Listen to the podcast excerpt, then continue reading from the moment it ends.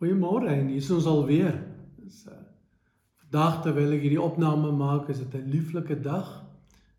Vertrou dat wanneer jy dit kyk, dit nog steeds 'n lekker dag is, 'n lekker dag wat jy saam met jou familie kan geniet. Kom ons raak net vir 'n oomblik stil. Here, U skenk elke dag. U het ook vandag vir ons geskenk. Here, U gee ook U woord vir ons. En ons sien uit daarna om te hoor wat U vir elkeen van ons wil sê. Wil U met elkeen van ons praat? In Jesus naam vra ons dit. Amen. Ons lees vanmôre 'n baie baie bekende gedeelte. As ek sê ons lees oor die goeie herder van Johannes 10, dan gaan die meeste van julle onmiddellik, "O oh, ja nee, ek ken die verhaal. Ek weet weet hoe loop dit." Maar ehm um, kom ons gee my gee so 'n bietjie kans. Miskien as jy tyd het, stop die video vir 'n rukkie.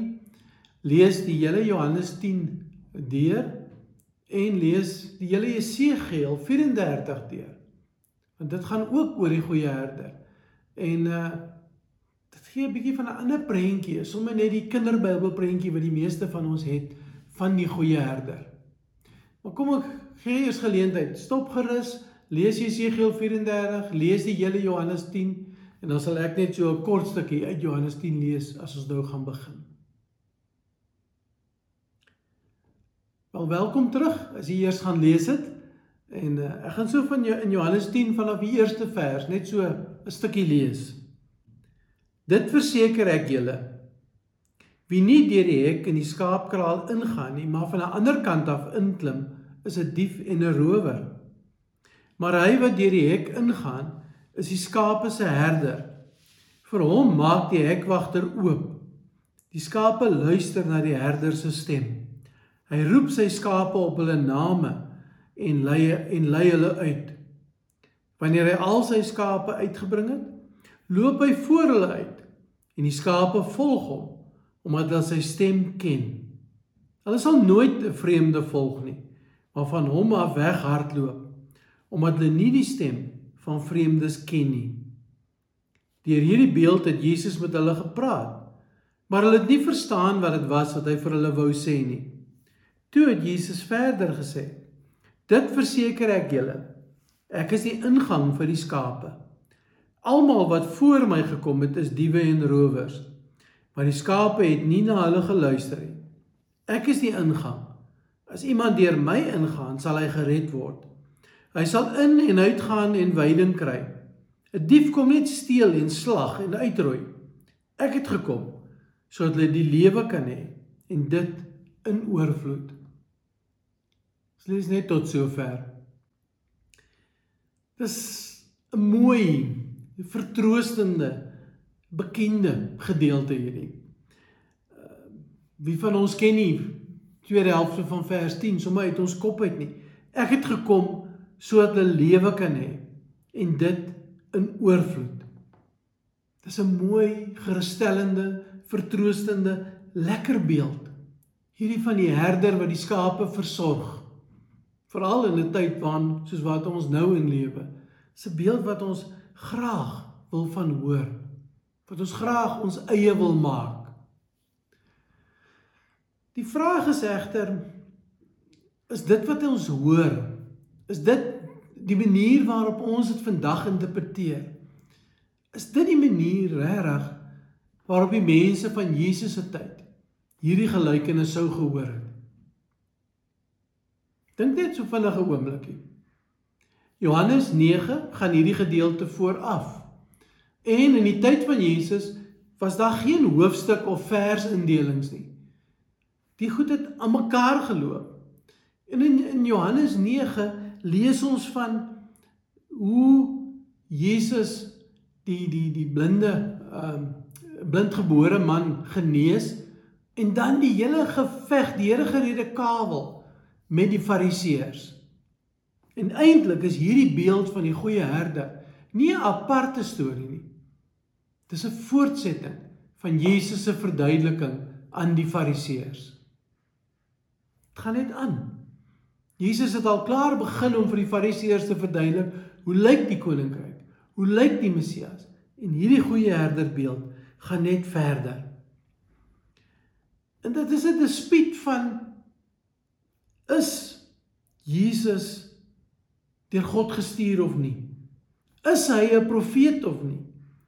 Is hy die Messias? Is hy die seun van die mens wat God sou stuur? Dis die kruks van hierdie verhaal. Nie net vertroostende woord ehm um, van 'n herder wat vir ons versorg het. Natuurlik dit ook. Maar dis nie al waaroor dit gaan nie. Hierdie beeld van 'n herder, hierdie beeld van 'n goeie herder selfs, is 'n beeld wat ons 'n hele paar maal in die Ou Testament ook kry. Maar interessant, in die Ou Testament word dit gebruik as die beeld van 'n koning. As jy nou die die die gedeelte uit Jesegiel gelees het, dan sien jy gesien het, dis 'n sprekende voorbeeld daarvan. Dit kom op ander plekke ook na vore, maar die herder is die koning wat moet sorg, wat moet versorg. Hier in Jesegiel 34 vers 4 is hy eintlik so bietjie uh hard met hierdie herders van Israel. En hulle word aangespreek omdat hulle harde en wrede regerders was. Maar dis 'n beeld vir koning vir koningskap. En as Jesus hierdie beeld op homself van toepassing maak, dan sal die Fariseërs onmiddellik 2 en 2 bymekaar gesit en gesê, "Wow, hierdie mens is besig om homself tot koning te verklaar." Hierdie mens matig homself aan. Hierdie mens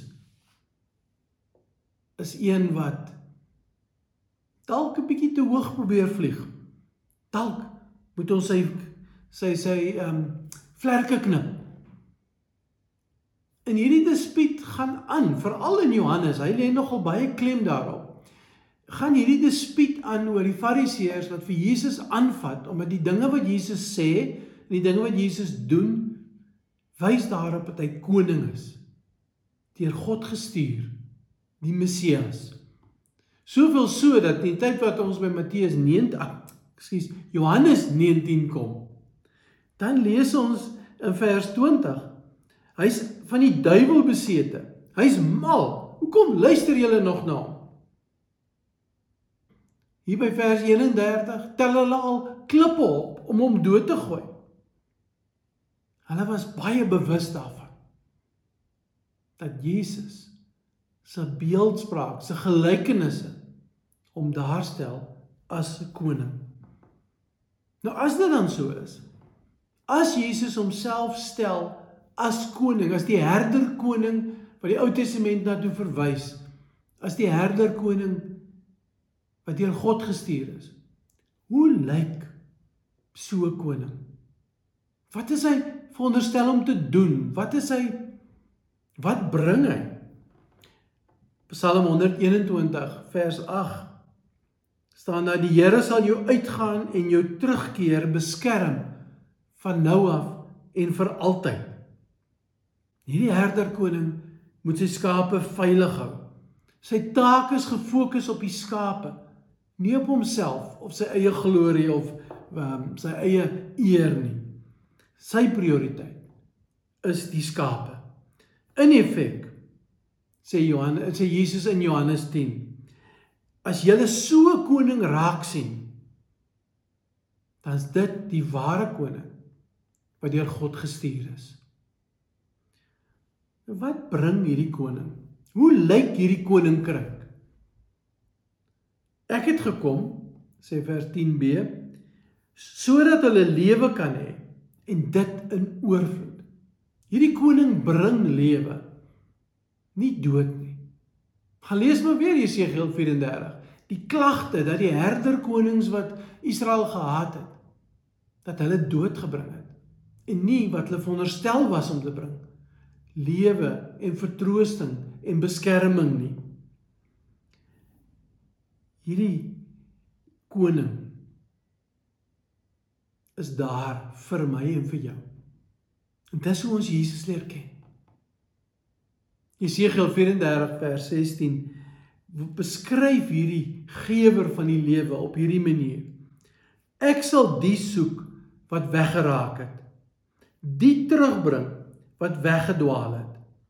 Die wonde versorg van die wat seer gekry het. Die swakkes help.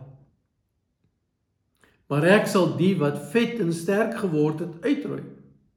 Ek sal 'n herder wees wat reg laat geskied. En dis die tema van die Ou Testament.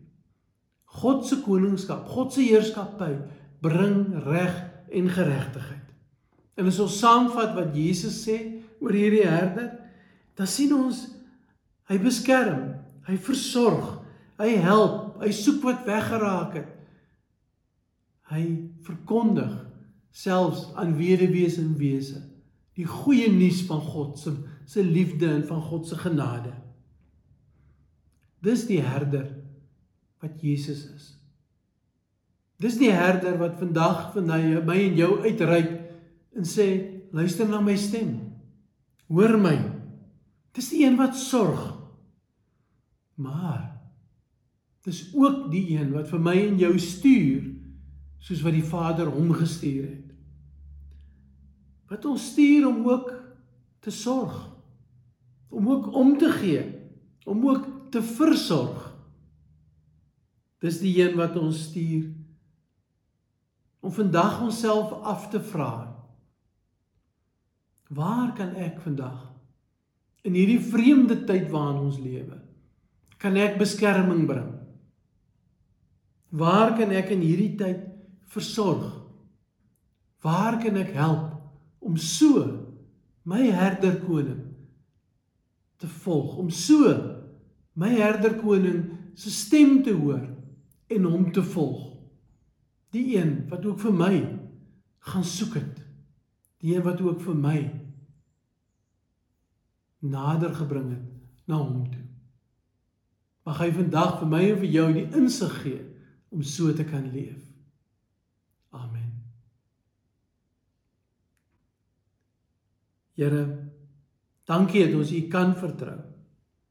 Dankie dat ons U mag vertrou. Dankie dat ons in alles deur U gelei word elke oomblik.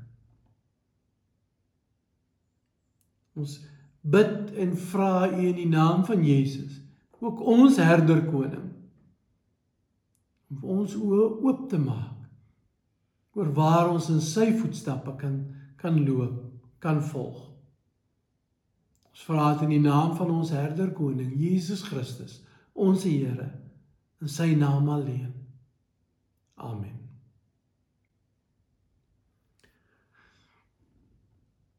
Aan die einde van hierdie video is daar nie vandag 'n lied om nou saam te sing nie, maar in die deel wat ek vir u gestuur het, is daar 'n koppeling na lekker lied.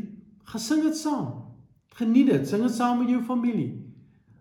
En ontvang dan ook nou die seën van die Here hier waar ons so met mekaar saam gekuier.